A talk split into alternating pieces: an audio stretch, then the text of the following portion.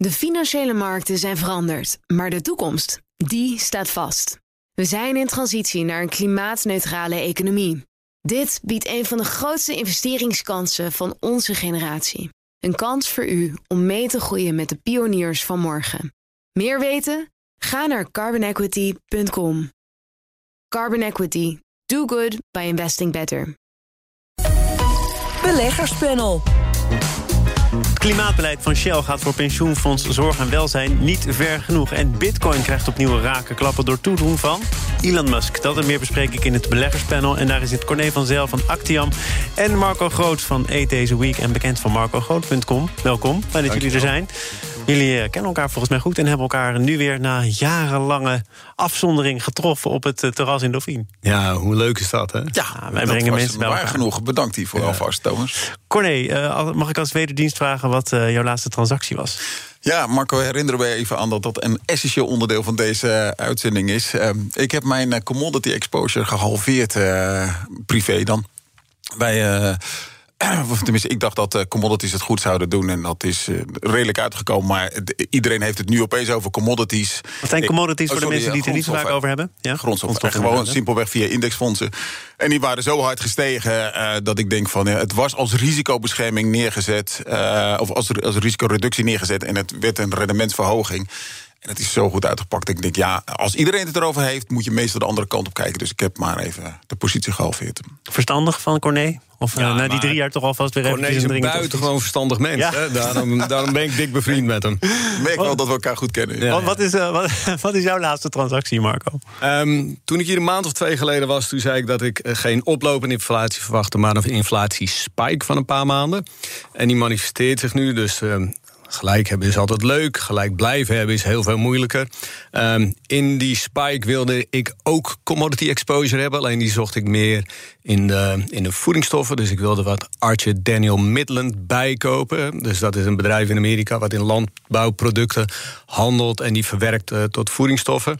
Uh, maar in het rondkijken kwam ik eigenlijk tot de conclusie dat Ahold eigenlijk een beetje vergeten was prettig dividend betaald. Dat is een onderwerp waar we straks ook nog op terugkomen. En helemaal niet zo duur was ten opzichte van de rest van de markt. Dus ik heb met, eigenlijk met groot plezier achteraf uh, wat aandelen Ahold. Hoe kan het eigenlijk dat je zegt die zijn vergeten? Want uh, ja, het is een zeer bekend bedrijf. Het gaat er toch ook wel regelmatig over? Ja, het, het, gaat, het gaat goed bij Ahold. Maar deze hele uh, marktbeweging... Uh, of de, de markt is op het ogenblik gefocust op het exiten van corona en het weer teruggaan naar normaal. Uh, en een voordeel van Ahold en al het supermarkten is natuurlijk geweest dat mensen vaker uit, uh, uh, niet meer uit eten gingen, maar vaker bij de supermarkt gingen shoppen. Dus dan verwacht je eigenlijk een earningsdaling. Terwijl de cashflow van Ahold ziet er fantastisch uit. Die balans is ijzersterk, dividendrendement is goed. En dan is het heel makkelijk om zo'n aandeel te vergeten. En het is niet zozeer dat het dan niet omhoog gaat, maar het gaat zijwaarts bewegen. Mm. Dus het bleef een beetje aan de onderkant hangen. En soms is het het gebeurt zelden dat een aandeel een beetje vergeten wordt. En voor mijn gevoel was dat gebeurd. Cijfers waren goed, aandeel gaat omhoog. Dus dan is het gewoon.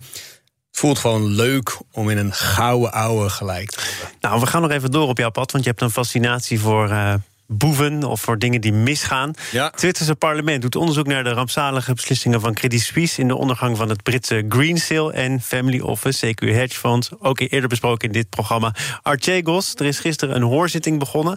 Um, en het gaat over heel veel geld, Corné. Zoveel geld dat je kunt afvragen: wat is nou precies nog de toekomst van Credit Suisse? Gaan die Lehman Brothers achterna of uh, loop ik nu te hard van stapel? Nee hoor, daar is uh, deze bank te onmisbaar voor. Bovendien hebben we gemerkt sinds de kredietcrisis dat eigenlijk alle grote banken te onmisbaar zijn. Dus die laten we niet meer vallen. En dat geldt ook voor Credit Suisse. Dus wat er ook gebeurt, deze bank blijft staan.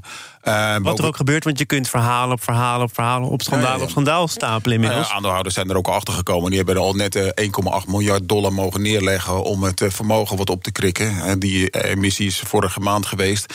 Ja, als je maar genoeg verliest aan de ene kant... op een gegeven moment moet er vermogen bij. En dat, dat, dat hebben aandeelhouders al mogen betalen. Het is wel bij Credit Suisse, die is echt, zoals ik al eerder heb gezegd... in alle hopen stront getrapt die er maar mogelijk waren... De lijst is heel erg lang. Uh, Wirecard is ook een voorbeeld. Uh, Lunk Coffee is een Chinese koffieketen. Ook massaal ingetrapt. En die lijst is lang en gaat al terug tot voor de kredietcrisis. Als je als bank mee wil doen met de grotere Amerikaanse zakenbanken. En dan moet je ook bereid zijn om de risico's aan te gaan die zij laten liggen. Ja, die laten ze niet voor niks liggen. En als jij ze allemaal wel aangaat, dan loop je dit soort risico's. Dus je zegt, ze zijn erin getrapt, maar het was ook een bewuste keuze om het risico te lopen. Ja, natuurlijk. Uh, uh, en ja, misschien de enige naïviteit. En bij Archegos was het ook heel, heel mooi. Daar zaten alle banken in. Uh, bij Goldman Sachs, die hadden, waren zo snel en zijn wat slimmer dan ze bij Credit Suisse zijn. dus die hebben gelijk een exposure verkocht. En dat verlies was niet noemenswaardig tijdens de kwartaalbericht. Het was te klein om te noemen. Nou, dat was bij Credit Suisse zeker niet. Ja, daar loopt het heel erg in de papieren. 5 miljard hier, 4 miljard daar.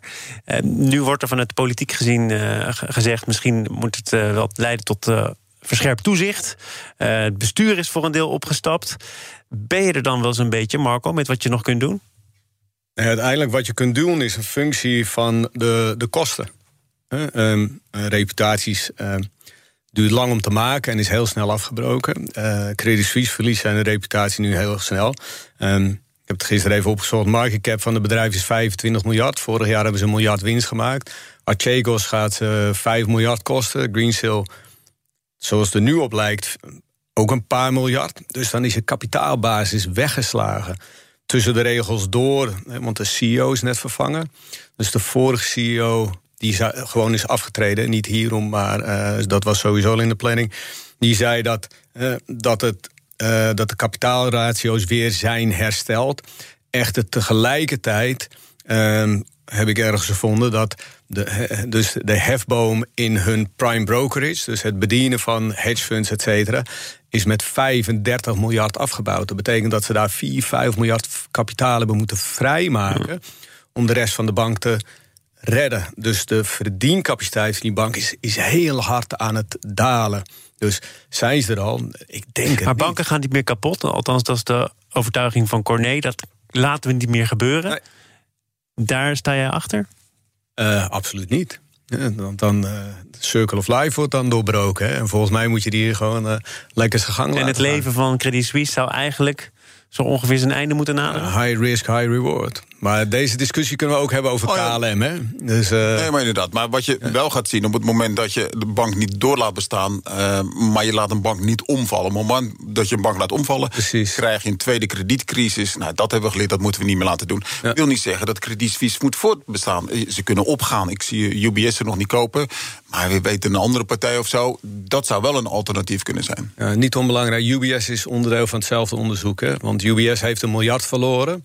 Maar wordt, uh, wordt wel in hetzelfde onderzoek meegenomen door het parlement. Dus het Zwitserse parlement bespreekt dit maandag en dinsdag. En ik denk dat dit ook een functie is van het feit dat zij in de veronderstelling leven dat dat, als het wat beroerder wordt dan het tot nu toe lijkt te zijn. Hè, en die vorige CEO die zegt: het bedrijf is gered. Als dat niet helemaal klopt, dan zal de Zwitserse overheid in moeten springen. Over de Circle of Life gesproken. Shell dan. Zorg en welzijn, dat is het op één na grootste pensioenfonds van Nederland... stemt vandaag tegen het klimaatbeleid van Shell op de aandeelhoudersvergadering. Kwam daarvoor in een interview met NRC Handelsblad. Interviewde een aantal bestuurders, twee daarvan. Ik wil beginnen met een citaat, eh, want uh, Follow This, daar gaat het eigenlijk om. De activistische aandeelhouder heeft al eerder resoluties in stemming gebracht. En um, daarover zegt de topvrouw van PFZW nu in NRC... Uh, ik zie dat jij je koptelefoon opdoet, maar ik ga het gewoon voorlezen, Corné. Onze opvatting is gewijzigd. We willen nog steeds niet op de stoel van het management zitten... en we moeten bedrijven die er nog niet klaar voor zijn... geen dingen vragen die ze nog niet kunnen doen. De ambities van Shell sluiten aan bij wat Follow This van ze vraagt. En mijn vraag aan jullie is dan mag een aandeelhouder dus wel op de stoel van het management van een bedrijf gaan zitten? Ja of nee, Corné?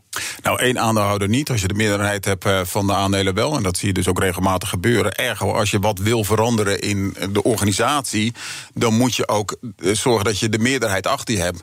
Ja, en ik moet zeggen, als ik zie dat PFZW 0,06% eh, van de aandelen heeft dan denk ik, uh, deze muis die uh, stampt zo hard op de brug... dat hij tegen de olifant zegt, goh, wat stampen we hard. Er gebeurt natuurlijk helemaal niks. Uh, ik denk, dit, dit ziet er als een beetje PR-campagne uit. Leuk hoor, maar ga nou vooral je focussen op zoveel mogelijk aandeelhouders mobiliseren. als je gaat kijken dat de grote aandeelhouders gewoon de indexfondsen zijn Ga daar nou eens een keertje eh, op bezoek. En ik denk dat de follow this strategie dus veel beter is om gewoon zoveel mogelijk uh, beleggers te organiseren bij elkaar. En Medium doet het ook. Maar dat gebeurt nu toch ook? En, en de maar, PFZW sluit aan in de rij van follow this. Inderdaad, maar dan ga dan niet als enige zeggen van goh, wij gaan tegenstemmen. Nee, met z'n allen doe je dat. En, en, ik zie dat dus meer als. Maar het is misschien een koerswijziging die wel interessant is, toch? PFZW uh, eh, stemde niet eerder met die resolutie van follow this mee, nu wel. Uh, en daarmee zou je kunnen zeggen, nou ook de wat grotere aandeelhouders, hoewel als je kijkt naar het belang dat zij in Shell hebben, valt het dus wel mee. Maar wijzigen nu hun koers en worden kritischer op bedrijven als Shell. Oké, dat is positief. Maar ik, ik heb moeite met het feit dat je dan dat zo hoog van de toren blaast, uh, terwijl Follow This al vijf jaar uh, daarmee bezig is. Marco? Um, ja, ik kijk er op een iets andere manier tegenaan. Ik denk dat hier heel erg het verschil tussen, tussen kracht en macht duidelijk wordt. Eh, de macht ligt altijd bij de grote aandeelhouders. Maar ik vind het, ik vind het heel belangrijk dat, alhoewel een belegger kleiner is, dat hij de kracht van, van de statement eh, duidelijk kan maken. En ik vind het heel mooi dat ook een klein pensioenfonds, want ze zijn klein, maar ze hebben toch 149, wat is het? Miljoen. Miljoen. Dus best een stevige belegging. Dat zij daar verbaal over zijn. Ik vind um, Follow This en PVZ, ja, dat vind ik hele, hele dappere organisaties... die zich echt inzetten voor iets wat in mijn ogen uh, goed is. En wat krijgen ze dan voor elkaar? Want dat is natuurlijk de volgende vraag. Zij maken mensen bewust van het feit dat het ook anders kan. Of dat je in ieder geval kan overwegen om het ook anders te doen. Want tegelijkertijd, hè, als, als Valoris en PVZ dapper organisatie zijn... ik vind uh, het Shell-bestuur op zijn minst een beetje, een beetje laf. Ja, want zij, het voelt alsof zij gegijzeld zijn door de grote aandeelhouders. Um, dus ja, ik, ik, ben een, ik ben een groot voorstander van dit geluid. Ik vind Mark van Baal vind ik echt, de, de, de man van uh, Valoris, vind ik echt een held. Er zou een dappere keuze ook kunnen zijn als uh, grotere belegger. Ik stap niet eens in. Ik ja, laat het ik, links denk, ik denk dat je het zelf andersom moet doen. Hè? Want wat Mark, Mark van Baal doet, is uh, uh, aandelen verzamelen om, om de stem krachtiger te laten zijn. Maar als het geluid niet gehoord wordt, moet je misschien wel het omgekeerde doen. Actium zit er niet in, geloof ik, hè? Actium zit er niet in, inderdaad. En ook niet in de indexfondsen. Daar zitten ze ook. En, wa en wat, is de, wat is de afweging geweest? simpelweg niet duurzaam genoeg. Maar eh, dan terugkomend op wat er dus ook gebeurt... van binnenuit proberen zaken aan de kaak te stellen... de agenda proberen te bepalen, de koers proberen te wijzigen. Die rol had Actium dan misschien ook gepast? Nou, wij zijn wel in gesprek met ze. En uh, dat is ook een van de redenen dat ze niet meer per definitie worden uitgesloten. Dat waren ze wel. En omdat we een gesprek met ze aangaan en kijken waar ze op kunnen verbeteren... Uh, zijn ze in ieder geval van die zwarte lijst afgegaan. Maar wat, wat sorry Marco? Nee, sorry, het, het gaat nog over iets waar, waar ik nog niet op wil nemen. Het, het, klopt fundamenteel niet hè, wat er bij Shell gebeurt. Als je kijkt naar de cashflow die zij genereren. Op de website kan je het heel makkelijk lezen. Er zijn de, staan er vier punten waaraan zij cash willen allokeren. Punt 1 is korte termijn capex. Ja, dus onderhoud en een progressief dividend. Dat is punt nummer 1. Punt nummer twee is de balans te versterken. En punt nummer drie is, want als de balans versterkt is... en dat is de schuld afbouwen van 75 naar 65 miljard... Gebeurt dan, mondjesmaat. Dan kunnen we nog meer geld aan de aandeelhouder allokeren. Nou, die 75 naar 65 miljard, die heb je al bewerkstelligd... als je het huidige dividend en de huidige buyback even stopzet. stopzet. Dan ben je er al. En als dat bereikt is, dan kom je bij punt nummer vier. Dan streven ze naar een betere credit rating... En dan zal er gedisciplineerde capex uh, besteed worden uh, om de strategie uit te voeren. Dus wat is je dus strategie? zou zeggen eigenlijk dus je strategie tegen Actium, je kunt de gesprekken vier, afronden. Ja, dus je, de, de, strategie komt op punt 4. Het enige waar het om gaat bij dit bedrijf op punt 1, 2 en 3 is cash allokeren aan de aandeelhouder. Ja. Over strategie of het gebrek aan strategie, het volgende onderwerp. Zaken doen. En dan bespreek ik met het eh, beleggerspanel vandaag. Bestaat het uit Corné van Zelf van Axiom en Marco Groot van E Deze Week, bekend van marcogroot.com. En strategie, of niet, of totale willekeur, speculatie. De bitcoin raakte afgelopen week opnieuw in een vrije val... nadat Elon Musk twitterde dat Tesla de munt niet meer accepteert als betaalmiddel... en ook een tijdje in het midden liet of Tesla bitcoins heeft verkocht. En eerder had hij het al over de schadelijke gevolgen voor het milieu van de munt. Wat we nu zien, Corné, heeft dat nou te maken met... Uh, nou, het gebrek aan stabiliteit van de munt... of toch vooral zegt het iets over de invloed van Elon Musk? Of gebrek aan stabiliteit bij Elon Musk. Uh, nou ja, heel simpel, hij heeft daar een punt, uh, onmiskenbaar. en hij, zijn nieuwste speeltje is nu Dogecoin. En ik heb even heel mooi focussen op de energiecapaciteit die gepaard gaat met het maken van al die bitcoins. Dat is belachelijk. Maar ik denk dat het belangrijker is als dingen eenmaal gemaakt zijn, zoveel worden er niet meer bijgemaakt. Dat je gaat kijken naar wat kost het nou voor een transactie. En dan blijkt dat als je even die Dogecoin vergelijkt met eh, bitcoin, er zit een factor 6900 eh, tussen. Dus wat dat betreft is het wel de moeite waard. Alleen, ja, een nadeel van zijn Dogecoin is... dan kan je er onbeperkt van bijmaken. En dat is nou net weer zo'n een van die voordelen van crypto's... dat dat niet kan. Ja, het lijkt er ook wel een beetje een losse vlodder. Als je kijkt naar zijn televisieoptreden bij Saturday Night Live dan maakt hij het zelf ook belachelijk, die Dogecoin. Van ja, nee, inderdaad. En laten we wel zeggen, het is ook opgezet als een grapje. En dat, dat is het in feite dus nog steeds. Um, dus ik, ik heb het idee dat uh, meneer Musk iets te weinig tegenstand krijgt. Uh, en, en maar uh, ja, doorfladdert met, met allemaal grappige dingen. Uh, dus ik, ik, ik, zou bijna wat, wat meer moeilijkheden gunnen om zich daarmee bezig te houden. Maar... En misschien komt de moeilijkheid wel van, uh, van iemand die bitcoins heeft, toch Marco? Ja, Kijk, wij kunnen er allemaal vrijblijvend ja. over praten. Gewoon interessant eigenlijk wel, maar ja, jij zit er middenin. Nee, ik, ik, ik had uh, vorige keer zei ik dat ik wat gekocht had. Ja, precies. Ik ook heel snel grotendeels weer verkocht. Oh. Um, Um, dus ik weet nu niet of ik eerst wil vertellen waarom ik ze verkocht heb of op de, de Musk. Uh, nou, dat is aan jou. Ik zou eerlijk, eigenlijk ben ik wel geïnteresseerd in uh, de snelle verkoop. Want je hebt dat hier inderdaad bekendgemaakt. Dus ik heb niet alles verkocht, hè, want ik wil altijd een regeltje in mijn portefeuille zien waardoor ik uh, betrokken blijf. Maar ik koop iets op het moment dat ik het begrijp. Dus ik heb er best veel tijd in gestopt om te begrijpen. of om binnen mijn kaders van mijn kennis en capaciteiten te begrijpen hoe dit werkt.